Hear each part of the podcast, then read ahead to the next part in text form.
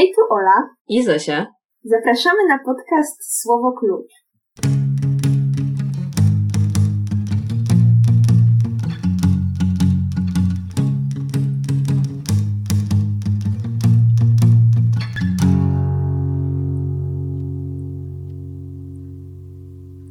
Zosiu, o kim mamy zamiar mówić w tym odcinku?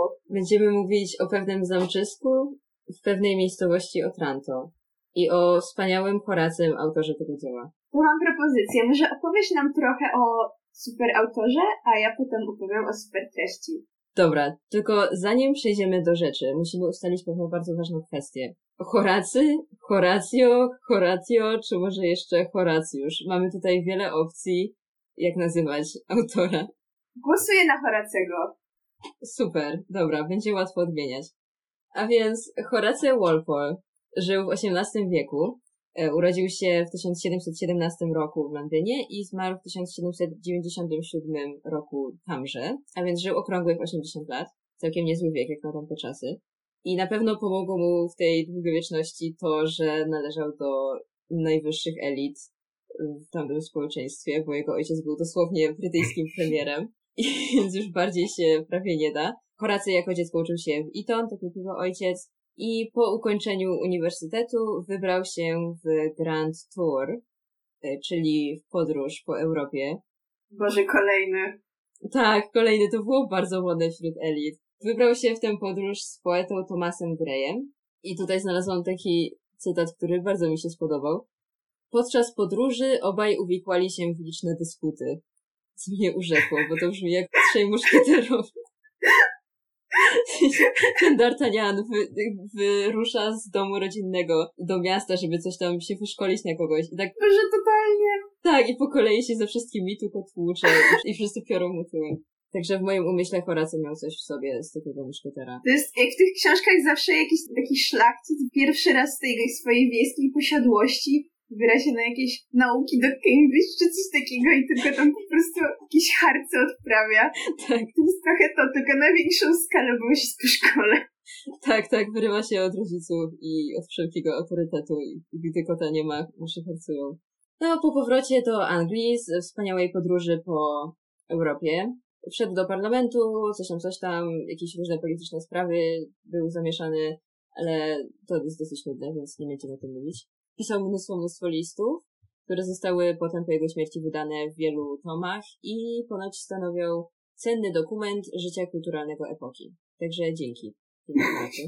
Jeśli chodzi o życie prywatne Horacego, tutaj takim często dyskutowanym tematem jest jego orientacja seksualna, bo wielu historyków uważa, że był gejem i na przykład miał romans podczas tego Grand Tour z Thomasem Grayem, tym poetą, z którym podróżował. Wielu historyków uważa też, że był osobą seksualną i sprawa pozostaje nierozstrzygnięta. Wiem, że podcast Queer as Fact zrobił o nim odcinek i tam jest dużo informacji, także zainteresowanych podsyłam do nich. I jeszcze jedną historią, która była dla mnie bardzo taka zaskakująca z życia Horacego, była historia z Thomasem Chattertonem. Thomas Chatterton był bardzo młodym poetą z Bristolu, z takiej ubogiej rodziny. Nie miał ojca i w ogóle można powiedzieć, że jego dzieciństwo było trochę przeciwieństwem dzieciństwa Horacego. W każdym razie, kiedy Thomas miał 17 lat, postanowił zrobić coś genialnego. Wymyślił genialny plan i podszył się pod nieistniejącego mnicha, którego wymyślił, mnicha Thomasa Rowleya i wysłał Horacemu dzieło swoje, podszywając się pod tego mnicha. Jedne źródła mówią, że to były jakieś wiersze, jakieś poematy, y, drugie, że to była historia Anglii, zakładam, że chodzi o jakąś kronikę. W każdym razie napisał do Horacego, szukając mentora, hej, jestem mnichem, oto moje super dzieło. I Horacy na początku był pod ogromnym wrażeniem i spodobały mu się y, wypociny Thomasa Chattertona, który podobno był geniuszem i już w wieku 11 lat pisał jakieś super wiersze czy coś. Natomiast Horacy szybko odkrył, że Chatterton go wrabia i nie jest żadnym mnichem i się wkurzył i zerwał z nim kontakt. I Thomas wyjechał do Londynu, żeby tam spróbować swojego szczęścia i zostać sławnym pisarzem.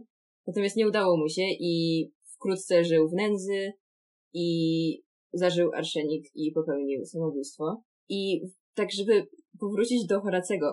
Horacy został oskarżony wtedy, został oskarżony o przyczynienie się do śmierci Chattertona i o udział jakby w jego śmierci. You bet, I mean... No i właśnie chciałam cię spytać, czy uważasz, że był słusznie oskarżony i że rzeczywiście jakby trochę można go obwinić, czy nie? Sądzę, że nie, ale jakby no trochę się nie dziwię, że ktoś w ogóle wyjechał z takim oskarżeniem, to znaczy tak bardzo mnie jakoś bawi ta myśl, że taki emo nastolatek udaje, że jest jakimś geniuszem, mnichem i w ogóle ten, ten chorecu mówi, stary, weź przyhamuj, on jedzie do Londynu, zażywa arszenik. To jest takie dramatik. Tak, to jest bardzo dramatyczne. Skojarzył mi się z, trochę z Werterem. To znaczy, no, żeby nie było, że jakiś w sensie, to jest oczywiście bardzo tragiczna historia. Historia Thomasa Chattertona jest bardzo smutna. No wiadomo, Chatterton, sorry, nie śmieję się z ciebie, śmieję się z okoliczności. Tak, ale nie uważam, żeby Horacy był winowajcą tej sytuacji. W sensie, jak mógł przewidzieć, że ktoś próbujący go oszukać, że jest mnichem, popełni samobójstwo, bo nie uda mu się opublikować swoich prac. No bez przesady. Ta historia jest taka dziwna. Tak, jest bardzo dziwna. I no ale na pewno, no ale został oskarżony, tak? I na pewno odbiło się to na jego spokoju umysłu i tak dalej, także. Ale to jest coś takiego, że on, że on jakby, nie wiem, listownie odmawiał temu Tomasowi, czy to było takie po prostu publiczne oskarżenie, stary, nie jesteś mnichem, ludzie Anglii wiedzcie, że on oszukuje? To po prostu była taka prywatna sprawa i... Szczerze mówiąc, nie, nie znalazłam takich dokładniejszych informacji na ten temat, nie jestem pewna, czy są, myślę, ale skoro jego korespondencja została opublikowana, to myślę, że jakieś listy poruszające ten temat na pewno by się znalazły. Wiem tylko, że no dowiedział się, że był oszukiwany i zerwał kontakt.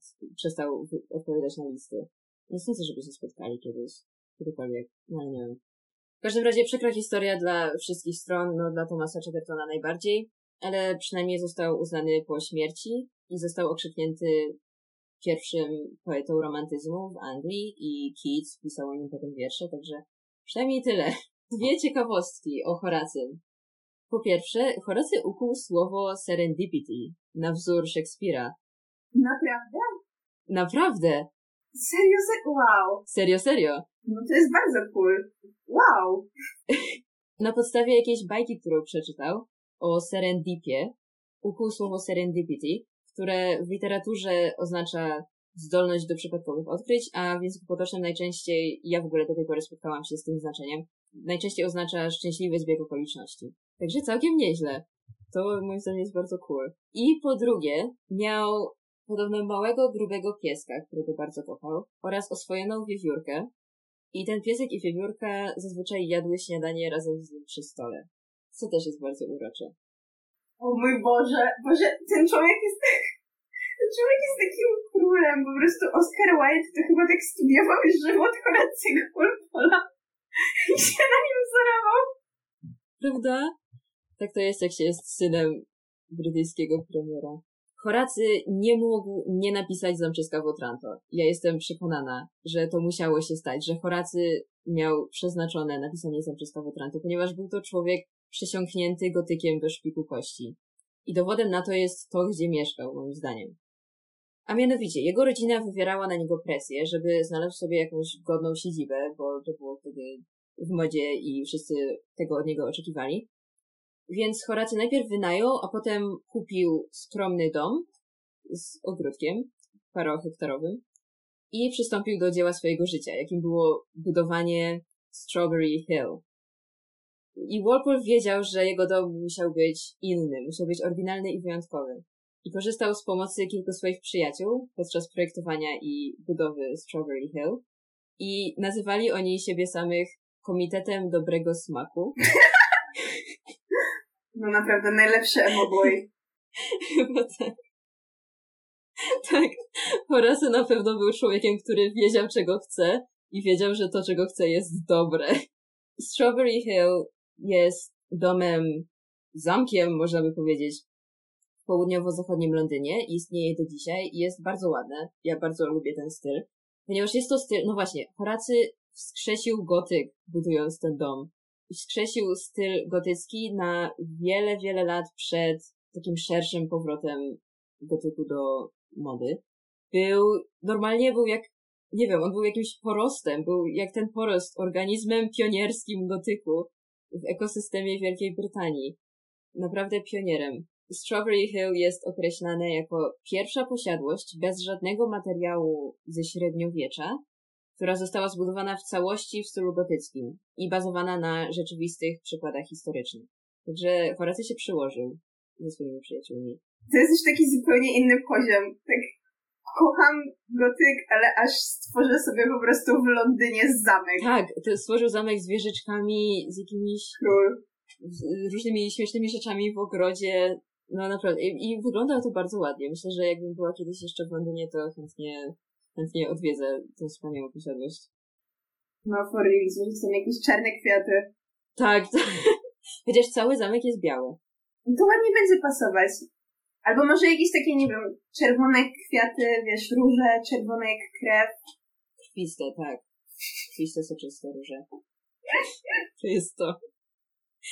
Horacy pisał tyle różnych rzeczy non-stop, że aż sobie ufundował swoją własną prywatną drukarnię w Strawberry Hill. Damn. I, I tutaj następuje sprzeczność zeznań. Ponieważ angielska Wikipedia twierdzi, że Horacy wydał Zamczysko w Otranto w 1764 roku, anonimowo, nie korzystając z własnej drukarni. A polska Wikipedia twierdzi, że wydał książkę anonimowo oraz we własnej drukarni. Także od naszych słuchaczy zależy komu wierzą. Ja osobiście wierzę trochę bardziej angielskiej Wikipedii. I Więc załóżmy, że niestety nie wydał Zamczyska Wotranto we własnej drukarni, a szkoda, bo to byłby taki flex. Wydać pierwszą gotycką powieść na świecie we własnej drukarni. W własnej drukarni w twoim zamku, który zbudowałeś razem z Tak. kompanią dobrego smaku. Tak, z komitetem. Tak, przepraszam, z komitetem dobrego smaku. Co za barwna postać. Tak, bardzo barwna postać. Za pierwszym razem, za pierwszym razem, kiedy wydawał Zamczysko Wotranto, podszył się pod Włocha o nazwisku Onufrio Muralto i próbował nas wszystkich wrobić, że niby ta książka jest przekładem włoskiego manuskryptu z XVI wieku.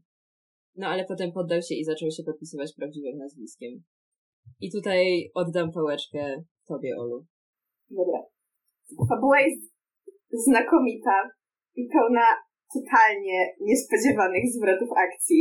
Książka jest osadzona w epoce wypraw krzyżowych. Historia rozgrywa się w zamku Otranto, który jest położony gdzieś we Włoszech. Sprawdzałam, faktycznie jest coś takiego jak Otranto i to jest na Sycylii, ale ja nie wiem, czy akurat z wszystkich elementów tej książki zależało mu najbardziej, żeby to się działo w jakimś prawdziwym zamku na Sycylii. Tak czy tak, akcja zaczyna się w dniu zaślubin księżniczki Izabeli i chorowitego Konrada, Józefa K. Syna rządzącego Otranto Manfreda. Manfred chce ożenić syna jak najszybciej, żeby spłodził następców, ponieważ nad rodziną wisi przepowiednia, że jako uzurpatorzy będą rządzić Otranto dopóty, dopóki legalny książę nie stanie się zbyt wielki, aby się w zamku pomieścić. I ta przepowiednia jest super dziwna. To znaczy, ja uwielbiam przepowiednie w książkach i potem do tego wrócę, ale nie wiem, co myślisz na temat tej przepowiedni? Dla mnie jest taka słaba, nie ma zbyt dużego jakiegoś vibe'u mocnej przepowiedni. Tak, zgodzę się. Myślę, że po pierwsze można ją interpretować na różne sposoby i niektóre z tych sposobów nie są złowrogie, No też mi się tak wydaje. a to trochę odejmuje od tej mocy, którą powinna mieć przepowiednia moim zdaniem. Mogli się bardziej postarać. Cóż, niestety, znaczy, niestety, niestety, pan Walpole miał duże, osiągnął wiele sukcesów, tak, czy był jakiś świetny z jedną przepowiednią? Nie musiał być. Dobra, wracając. Jak to zwykle bywa w życiu, przed ceremonią pan młody wychodzi z zamku i przygina tego gigantyczny hełm, który pojawia się, nie wiem, chyba z kosmosu. To był taki mój ulubiony moment tej książki, jak po prostu ten, ten Korzeniowski wychodzi, wychodzi z zamku, nie ma go, potem go znajdują pod jakimś wielkim hełmem. No, totalnie vibe. Ja myślałam, że to się stało w zamku i że po prostu coś tam z jakiegoś sufitu na niego spadło. A to z nieba? Nie wiem, to było na jakiejś, na jakiejś dziedzińcu. A, okej. Okay. No w końcu gotyk, w końcu gotyk. No wiem, no. Um, no i tak, Peszek Orzeszek Konrada wywołuje niemałe zamieszanie i zbiega się z graja wieśniaków. Jeden z gatów zauważy, że hełm jest dokładnie identyczny z tym, który ma na sobie marmurowy posąg Alfonsa, czyli jednego z poprzednich władców. I ta obserwacja kompletnie rozwścieczyła Manfreda. Um, więził za karę Bogu ducha innego chłopaka, co jest trochę idiotycznym ruchem, ale też właściwie rozumiem, bo gdybym ja wyszła na ogródek i zobaczyła, że mój syn leży pod jakimś wielkim hełmem, który, nie wiem, jest jakiś czarodziejski czy czart wie jaki, to też bym była trochę poirytowana. Mm. Jakby nie było. Um, I po tym dziwnym zdarzeniu Manfred uznał, że sprawa jest już przegrana i straci zamek, przepowiednia się spełni. W sensie dlatego, że nie Ale... miał żadnych potomków. Że okay. nie miał potomka. Stracił potomka, więc yy, przepowiednia się spełni, co jest trochę moim zdaniem taki, taka dziura w rozumowaniu tej książki, ale nieważne, nieważne, nieważne. Jestem nadal, jako czytelnik nadal jestem jeszcze pod wrażeniem tego, że czarodziejski hełm przygniotł postać Boże. Dobra, ale Manfred, zamiast pogrążyć się w rozpaczy, postanawia być proaktywny w życiu, wziąć byka za rogi, a Izabelę za żonę. Mm. I jakby wiem, że zamiarem autora było to, że sam ten pomysł zaślubienia niedoszłej synowej ma być taki najbardziej szokujący, ale prawdę mówiąc, najbardziej zdziwiło mnie to, że to była w ogóle opcja, że on mógł się rozwieść ze swoją obecną żoną i mieć jakąś kolejną. Tak, ja nie wiem, to by serio przeszło w jakimś XII wieku, oni w ogóle mogli robić takie rzeczy. Najpierw myślałam, że ten plan ma polegać na tym, że on zamorduje swoją obecną żonę i dlatego będzie mieć slot na kolejną. No i to by było faktycznie takie, takie straszne, ale rozwód byłby po prostu dziwny. Mhm. Mm. Ale wracając do rzeczy. Izabela wzbrania się przed oświadczynami, bo Manfred to prawie jej też wiadomo, poza tym tyran i gwałtownik. Tak bywa w życiu. I postanawia ukryć się przed nim w kościele. Jak jednak uciec przed Manfredem? Bez trwogi, Izabelo, na ratunek przyjdą ci niesamowitość i fantasmagoria. Kolejny cudowny element wkracza na scenę. Uwaga Manfreda wraca niespodziewane widowisko. Z ram obrazu wychodzi jego dziadek, wiadomo, bez Howie Rolling the Shire. Wychodzimy z obrazu. I Manfred oczy w słup, Izabela na pas, co swoją drogą rozumiem, że to była taka dobra okazja dla Izabeli, żeby uciec, ponieważ Manfred gapi się na jakiegoś pana, który wychodzi z obrazu, czaje, ale mhm. też nie umiem sobie wyobrazić, że na jej miejscu faktycznie byłabym taka rozsądna i wykorzystała to i uciekała, a nie po prostu stała i gapiła się z Manfredem tak 100 pro, tam była dalej. Mm. No ale, e, no ale Izabela rzeczywiście daje nogi. Tymczasem Manfred jak zahipnotyzowany polazł za postacią z obrazu, ale no nie ustało im się niestety zagrać w warcadę czy coś podobnego, ponieważ ponieważ zjawa idzie, wchodzi do jakiejś komnaty i zamyka drzwi. I to koniec. I potem już tak nigdy nie wracamy do tego wątku. Tak po prostu Manfred patrzy na te drzwi i wraca do szukania Izabeli. I tyle? No, ani słowa. jak to? Że on się zachowuje jak Sim. Jak Sim w Simsach. On jest taki czasami, znaczy ja tak kocham tego Manfreda, on jest jedyną taką semi zrobioną postacią, jakby ma więcej niż jedną emocję czasem, okay. ale z simem. No. no, ale wracając do Izabeli, udało jej się zbiec do podziemi, no bo wiadomo, że jakby każdy zamek to jest jakaś jedna komnata i bardzo duże podziemie. Idzie przez te lochy. Tam jest dosłownie napisane, że idzie przez lochy i dochodzi gdzieś i tak Jakby to jest takie dziwne, czy oni tak, oni mieli takiego jakiegoś cholernego świra wariata za, za, za, za właściciela tego zamka i nikogo nie było w tych lochach? Tak, nie chce mi się wierzyć, że tam naprawdę nie było jakichś umierających ludzi gnijących w lochach. Ale no dobra. No to Izabela zeszła do tych podziemi i zaczęła szukać ukrytego przejścia do kościoła. To też jest takie, no wiadomo, że po prostu w tych lochach będzie na pewno jakieś ukryte przejście. Wystarczy tylko po prostu pomacać jakąś jedną ścianę i drzwi się otworzą, no i jakby, no to się dzieje, ale... No, jak w Scooby-Doo. Wiadomo, że Godek i Scooby-Doo mają wiele wspólnego. No, no. Tak czy owak w tym momencie do akcji podobnie wraca pozornie nieistotna postać wieśniaka, który na początku książki tak rozeźlił Manfreda i o, w sumie racja, bo Manfred go wsadził do więzienia za karę, to pewnie on był w tych lochach. Nie wiem jak się, nie wiem jak się z nich wydostał i to akurat w tym momencie, kiedy Izabela tam była, ale no spoko. No i oczywiście jakby wieśniak zachowuje się i wypowiada się jak królewicz, tak żeby przypadkiem czytelnik nie przeżył później zbyt dużego szoku, kiedy już się okaże, że tak naprawdę nie jest wieśniakiem, tylko jakimś cesarzem czy innym papieżem. Ma typowo plebejskie imię, Teodor. Teodor pomaga Izabeli w ucieczce, a, ta, no, no nie, e, pomaga Izabeli w ucieczce, a potem poznaje Matyldę, córkę Manfreda, o której chyba jeszcze do tej pory nie mówiłam, ale to też niewielka strata. Ona mdleje chyba tylko dwa razy w całej tej książce. Hmm. Więc e, Teodor poznaje Matyldę i młodzi zakochują się w sobie. A tymczasem, wracając do super bohatera Manfreda, otrząsnął się już z szoku po ujrzeniu zjawy wychodzącej z obrazu i nakazał straży odszukanie zbiegłej Izabeli. Nie odnajdują księżniczki, odnajdują za to coś, moim zdaniem, tysiąc razy ciekawszego, czyli ducho giganta. Nie wiem, nie wiem jak to określić. Znajdują ducho giganta.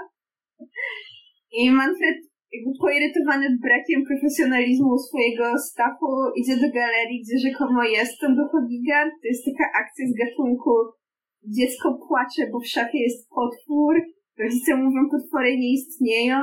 Dziecko dalej płacze, że w szafie jest potwór. W końcu rodzice się poddają i idą sprawdzić szafę i pokazują, że tam nie ma potwora.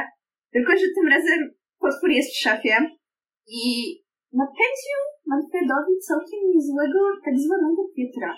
I dotąd książka była dla mnie po prostu bez wad. Cudownie się bawiłam, uśmiałam się szalenie, ale w końcu przyszedł ten moment, kiedy już nie byłam tak bardzo w stanie doceniać akcji, bo trochę zmęczyła mnie ta stylizowana na archaiczną mowa, która też jest swoją mhm. drogą przezabawna, ale co za dużo to niezdrowo. Jakkolwiek by nie było dalej, jest sporo mocnych momentów, mordy, milion odkrywania ukrytych tożsamości, powrót krzyżowca, krwawiący posąg, kościotrup, który tak samo pojawia się na chwilę i nie wiadomo po co i potem znika i potem nikt o tym nie mówi, tak jak duch z obrazu. No oczywiście okazuje się, że wieśniak Teodor tak naprawdę jest królewiczem i to nie byle jakim, tylko właścicielem Otranto. No i super dla niego i dla Matyldy, ponieważ wcześniej no, byli zakochani, ale problem jest taki, że wieśniak i księżniczka trochę tak nie za bardzo mogą wziąć ślub, a teraz kurczę, nic nie stoi na przeszkodzie, no poza tym, że Matylda już nie żyje, dlatego, że jakoś tak chwilę przed tym, zanim dowiadujemy się, kim jest Teodor, Manfred przypadkiem zabija Matyldę, no tak. O Boże, ja doznaję wstrząsu za wstrząsem właśnie w tej chwili. No właśnie ta książka taka jest, po prostu tak jakby potykasz się, spadasz ze schodów, wypadasz przez okno i jeszcze potrąca cię na jednym samochód. No, no to tak, jakby ona już stygnie w trumnie, taki trochę kolejny koszyk orzeszek. Co do Manfreda i jego żony, no to ponieważ okazuje się, że prawowitym właścicielem zamku jest Teodor, którym się tak trochę Manfred nie lubi, no bo tam no nie pozwalał mu wziąć ślubu ze swoją córką, bo go uwięził w lochach, no takie tam różne Właśnie, a, sorry, pytanko. Czy, czy wiemy, dlaczego Teodor w ogóle udawał, że jest wieśniakiem? On nie udawał, że jest wieśniakiem, tylko on nie wiedział chyba, że nie jest wieśniakiem. To było coś takiego, że on razem ze swoją matką byli w niewoli u Pogan, czy coś takiego. Potem ona umarła i on, i, i kiedy umierała, dała mu listy z poleceniem do jego ojca, i ojcem jest ksiądz, który urzęduje obok zamku. Potem właśnie ten Teodor sobie tak wajbuje i e, przychodzi z jakiegoś powodu właśnie do tego kraju, gdzie się dzieje ta, akcja, no i właśnie sobie wajbuje, coś tam zauważa jakąś bliznę, czy tam znamie na swoim ciele. Znaczy, ksiądz zauważa, że Teodor ma jakąś tam bliznę i jest jak stary, jesteś moim synem. To jest pierwsze odkrycie tożsamości i już jakby wiemy, że Teodor jest szlachcicem, ale to tyle. Jest synem księdza. Trochę weird, ale dobra. A potem się okazuje, że jest nie tylko synem księdza, ale jest ogólnie też wnukiem Alfonso, czyli tego właściciela, e, poprzedniego właściciela zamku. Okej. Okay. No. I jakby to jest, to ma jakiś związek z tą przepowiednią. Już trochę nie pamiętam o co chodziło, ale jakoś tak on urósł, czy coś takiego, jakoś magicznie. I wtedy wszyscy byli jak, wow, on wygląda dosłownie jak ten posąg, który jakby już nie ma hełmu, ponieważ on leży w ogródku, a pod nim trucho Konrada. No i magicznie okazuje się, że, że Teodor jest właścicielem Otranto. No i Manfred i jego żona tak trochę nie mają co robić, więc idą do klasztoru. No a tymczasem nowy książę Otranto, nasz wspaniały Teodor, poślubia Izabelę, której nie kocha, ale uznaje, że tylko ona zrozumie jego ból po utracie Matyldy, no i to tyle. Jakby nie ma żadnego i żyli długo i szczęśliwie czy coś, tylko ból Teodora był jednak zbyt świeży, aby mógł z myślą o innej miłości się pogodzić. Dopiero po wielu dyskursach, które toczyli z Izabelą o drogiej Matyldzie, Wyszedł do przekonania, że szczęście może znaleźć tylko z niewiastą pobłażającą melankolii, która owładnęła jego duszą. Całkiem ładnie. Takie dosyć emo zakończenie. Kurczę, bo tak zrobiłam sobie listę przed nagrywaniem, listę elementów literatury gotyckiej i tego ciebie słuchałam, to dosłownie wszystkie tam się znalazły. No i w sumie nic dziwnego, jeżeli to jest prekursor całego gatunku literackiego, jakim jest gotyk, nie, to nie jest gatunek literacki. No nie wiem, nurtu. Całego nurtu literackiego, jakim jest gotyk. Także no nieźle. Dosłownie też po prostu mam listę. Tak. Ponura, mroczna atmosfera. Check. Czarny charakter jest demoniczną ofiarą swoich popędów. Check. Większość scen dzieje się w nocy slash ciemności. Check. Tam po prostu wszystko jest w nocy albo w ciemności. Tajemniczość. Totalnie. Jakby ukryta tożsamość. Śmierć Konrada, której nadal nie ogarniam te rzeczy, które się tak pojawiają, takie jak duch albo kościotrup, o których potem nie ma ani słowa. Wielka tajemnica. Mhm. Bohaterki, to, że one mdleją, to, że one są takie emocjonalne, to, że po prostu zawsze poluje na nie jakiś chory dziad, który chce je poślubić. Tak. Wszystko. Bardzo silne emocje, bo mamy i rozpacz, i wściekłość Manfreda, i przerażenie miłość. Izabeli, i wszystkich, i miłość też starożytne przepowiednie, nadprzyrodzone zjawiska, właśnie to, co już wspomniałaś, to ukryta tożsamość, czyli takie niewiadome pochodzenie, które jest jakąś super tajemnicą, kobieta w niebezpieczeństwie. I tutaj chciałabym, żebyś potwierdziła, bo ja już nie pamiętam dokładnie tego języka, który był w tym utworze, bo już po dawno doczekałam. Ale czy było tam sporo metafor dla, no właśnie smutku i przerażenia typu nie wiem, wycie wiatru i jakieś burze z piorunami, albo łańcuchy, albo ruiny budowli i tak dalej, i tak dalej. Totalnie. Jest jakaś dramatyczna scena i masz komentarz, że nagle słychać piorun, uderzenie pioruna. Albo... Czyli nawet nie subtelnie. No nie, nie subtelnie, albo właśnie jakiś dramat i pękają mury zamczyska. Super. No, upadek domu Asherów. Powód tam to. Ta książka była taka dobra, ona była taka zabawiająca. Taki trochę roller coaster chyba. Tam było tak dużo takich przemiłych elementów. No przede wszystkim tak strasznie bawiło mnie to, jakie to jest absurdalne.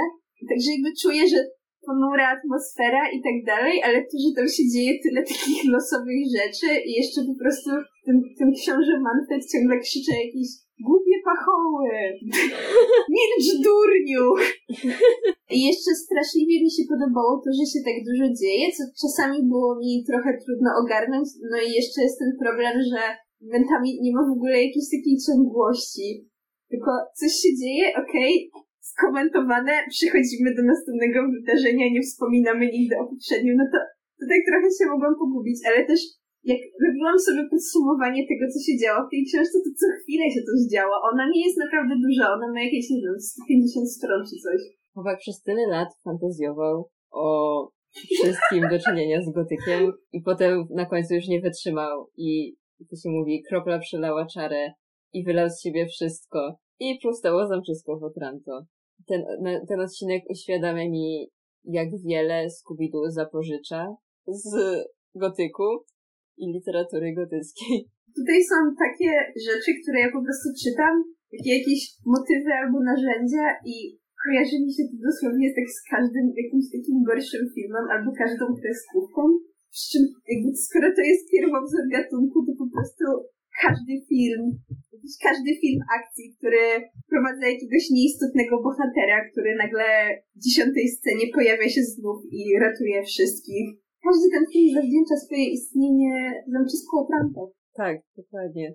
A wracając do tego framing device, którego użył Walpole z tym całym włoskim manuskryptem z XVI wieku, zatrzymajmy się na chwilę przy tym i pomyślmy, czy takie rzeczy w ogóle mają sens? Czy tobie na przykład podoba się coś takiego, czy dodaje ci to frajdy przy czytaniu, jak masz taką jakby otoczkę, taką panierkę. Wydaje mi się to trochę głupie, ale w przypadku tej książki to ma taki duży sens, że on coś takiego zrobił, bo to jest kolejny taki klocek wieży absurdu i niedorzeczności.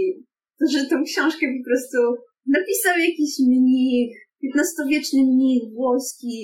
Ja ją odnalazłem, przetłumaczyłem. Jeszcze tak strasznie mi się podobało, jak w tym wstępie gdzie tłumaczy, że nie, ja tego nie napisałem, ja po prostu znalazłem tą książkę przypadkowo w parku. Tak bardzo chwali tego, tego mnicha, który rzekomo to napisał. Z taki piękny styl, inteligencja przybija z każdego zdania, tłumaczenie nie odda tego pięknego języka. Wszystkim... O Boże! To będzie słychać mojego psa no nieważne, wszystkim krytykom, którzy mogą zarzucić mnichowi to, to i tamto. Powiem tylko, że nie są w stanie zrozumieć, pojąć doskonałości tego dzieła. To było takie cudowne. Po prostu ten, ten Horacy musiał być taką najlepszą postacią, takim po prostu królem salonów. Mnie się wydaje, że Horacy, no, znaczy na pewno chciał się bronić, tak na pewno oczywiście jest, że chciał z góry obronić się przed atakami wszystkich, bo spodziewał się, że książka nie zostanie dobrze przyjęta, no bo był porostem pionierem w końcu, a ludzie nowości nie zawsze lubią. Więc rozumiem potrzebę tej otoczki i innego kontekstu tej książki, ale no to trochę lekka przesada, moim zdaniem, to co mówisz o tym wychwalaniu tego rzekomego mnicha. Come on. Wydaje mi się, że musiał być trochę zadufany w sobie. No i trudno się dziwić, skoro był synem brytyjskiego premiera. Ja, ja nie powiedziałabym, że to jest zadufanie w sobie. Ja bym po prostu powiedziała, że to jest zdrowe podejście i takie, wiesz, trzeźwe ocenianie swojej doskonałości. Kurczę, wiesz co, masz rację.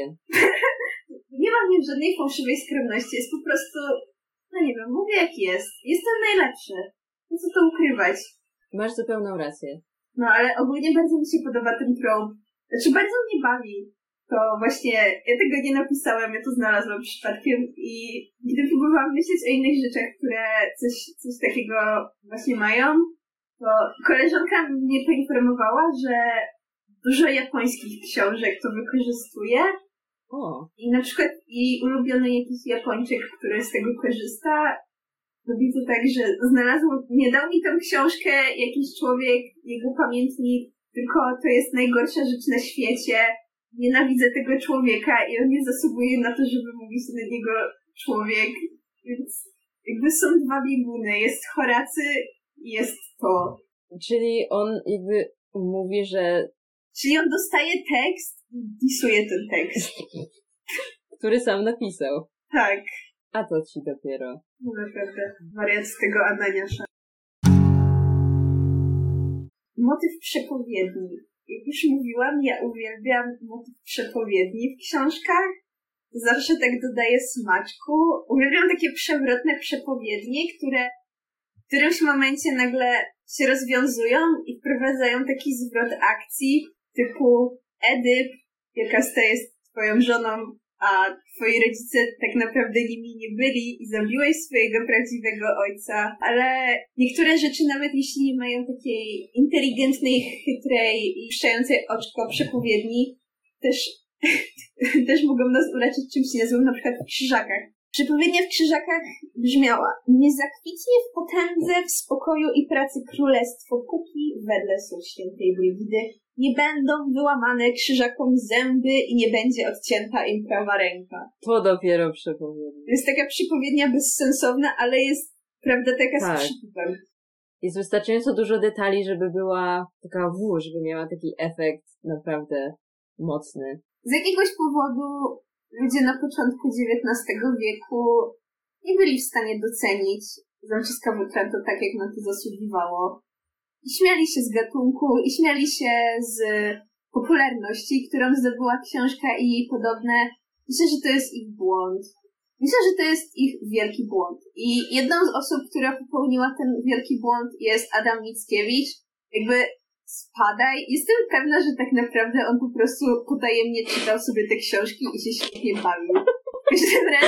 Chodzi mi o to, że hrabia Koreszko był takim miłośnikiem powieści gotyckich i on w ogóle przecież on decydował się w końcu walczyć o ten zamek, dlatego że mu się wydawało, że to będzie takie romantyczne i tak dalej, bo Gerwazy mu opowiedział tę historię, mówię, wow, ale będę bohaterem gotyckim. I tutaj przytoczę jego wspaniałe słowa.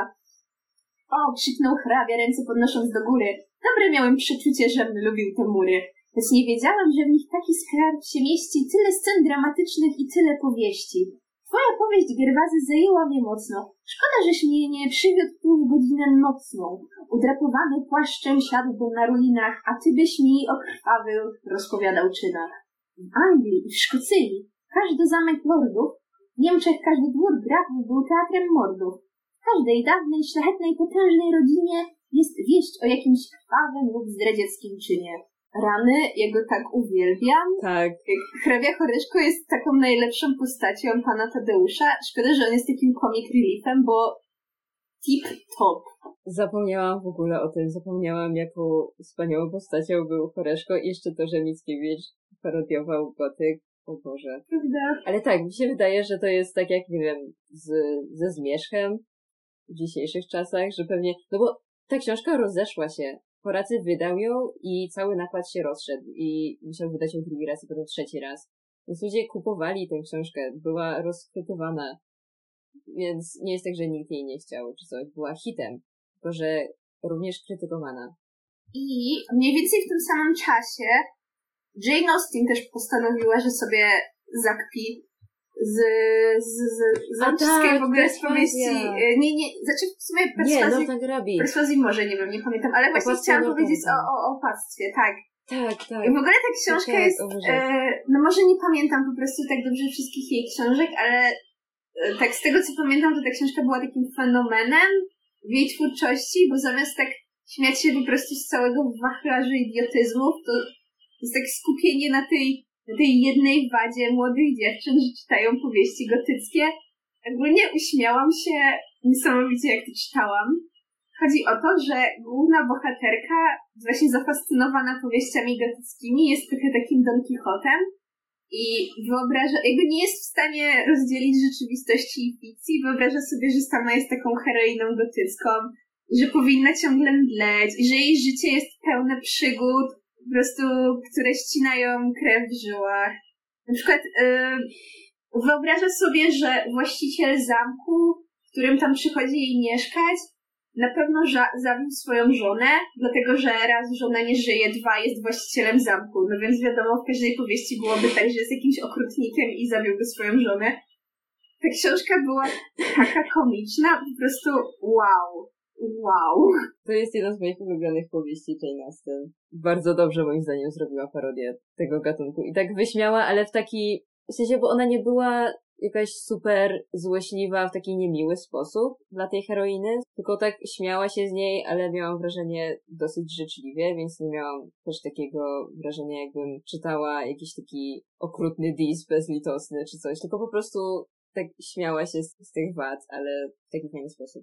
Tym bardziej, że ta książka nie zniechęciła mnie do powieści gotyckich i odkryłam żanr właśnie dzięki niej i zaczęłam czytać jakiś zamek Udolfo, czy jak to się tam nazywało, właśnie po tej książce.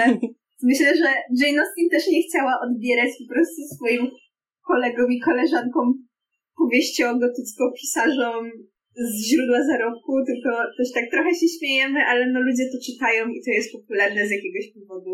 Tak. Chciałam jeszcze powiedzieć o innej e, rzeczy, która jest parodią, ale no może nie, nie już tak bezpośrednio, ale w każdym razie kiedy czytałam wam wszystko, odkryłam to bardzo często przypominało mi się Princess Bride.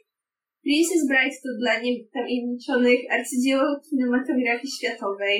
Czasami bywa na Netflixie, musicie pilnować, czasami bywa, czasem nie. I jest po prostu przezabawne. To jest najlepsza rzecz na świecie. I ogólnie jest kilka właśnie punktów wspólnych moim zdaniem pomiędzy Princess Bride a Zamczyskiem. Przede wszystkim tak samo w książce jak i w filmie Princess Bride też korzysta z tego triczku. Ja nie zapisałam tej książki, tej książki, to jest cudza książka, ja ją tam tylko przytaczam. Poza tym, przede wszystkim chodzi mi o ten układ. Jest taki kalos kagatos o ukrytej tożsamości. W przypadku Zamczyska to oczywiście Wieśniak Teodor, Princess Bride, Dread Pirate Robert, a jego przeciwnikiem jest bezduszny, chciwy człowiek, który w naszej książeczce to Manfred, Princess Bride to myślę, że to będzie coś pomiędzy księciem Humperdinkiem a Visinim. Dużo rzeczy, które mówi Manfred, tak po prostu trąci Princess Bride, że ja nie wiem. Wypisałam sobie niektóre z nich. Rezolutny Franz z ciebie, jak na twoje lata. Albo cały zestaw wykrzykników w rodzaju milcz durniu, pachole tępy, głupcze czy pały zakute. Arcydzieło właśnie dla, sprawiało, że ta książka mnie tak bawiła. Po prostu masz jakiś mroczny nastrój, pioruny, łamią się mury. I tu nagle wyjeżdża ci taki Manfred Milcz, durniu! Pało zakuta! tak, jak Gargamel. Dokładnie. I jeszcze to ciekawe, tak samo w Princess Bride, jak w zamczysku, Superman, ten Carlos Kagatos, wspaniały bohater, zawsze ma jakąś ciętą ripostę. Tutaj przykładem będzie na przykład mini dialożek. Mów prawdę, życie twe zależy od prawdomówności. Na co wieśniaczek odpowiada, prawdomówność droższa jest mi od życia. Nie chciałbym kupić jednego, zatracając drugie. I po pierwsze zamknął tym usta Manfredowi, a po drugie to wam tak dobrze obrazuje to, o czym już mówiłam, że on jest chłopem z pola, biedakiem, wieśniakiem, tak się wypowiada. Co twoim zdaniem jest słowem kluczem? E, dzisiaj wybiorę ekstrawagancję, bo moim zdaniem Horacy był bardzo ekstrawaganckim człowiekiem i dlatego był taki niezwykły i to mu pozwoliło wybudować sobie gotycki zamek i napisać pierwszą na świecie gotycką powieść. I nie mógł być zwyczajnym człowiekiem, żeby to zrobić, także to jest moje słowo na dzisiaj. A jakie jest twoje słowo klucz? Moje słowo będzie roza, której nie czułam właściwie cały czas, kiedy czytałam Zemczysko, ale w sumie też nie wiem, czy Horacy tego ode mnie oczekiwał. Myślę, że chciał, żebym się trochę bała, trochę po prostu miała dobry czas. Czegoż więcej możemy oczekiwać od literatury, powiedz mi? Żeby się trochę bać i mieć dobry czas. No to na tym chyba skończymy nasze dzisiejsze dyskusje o wspaniałym Horacym i jego dziele. To był bardzo fajny odcinek. Dowiedziałam się wielu ciekawych rzeczy na temat życia tej niezwykłej postaci. Tak, a ja bardzo chętnie posłuchałam o tym, co się wyrabia w tej powieści, bo jest to, jest to bardzo interesujące. Dzięki za wysłuchanie kolejnego odcinka naszego podcastu. Jeśli się Wam podobało, polećcie nas znajomym i do usłyszenia.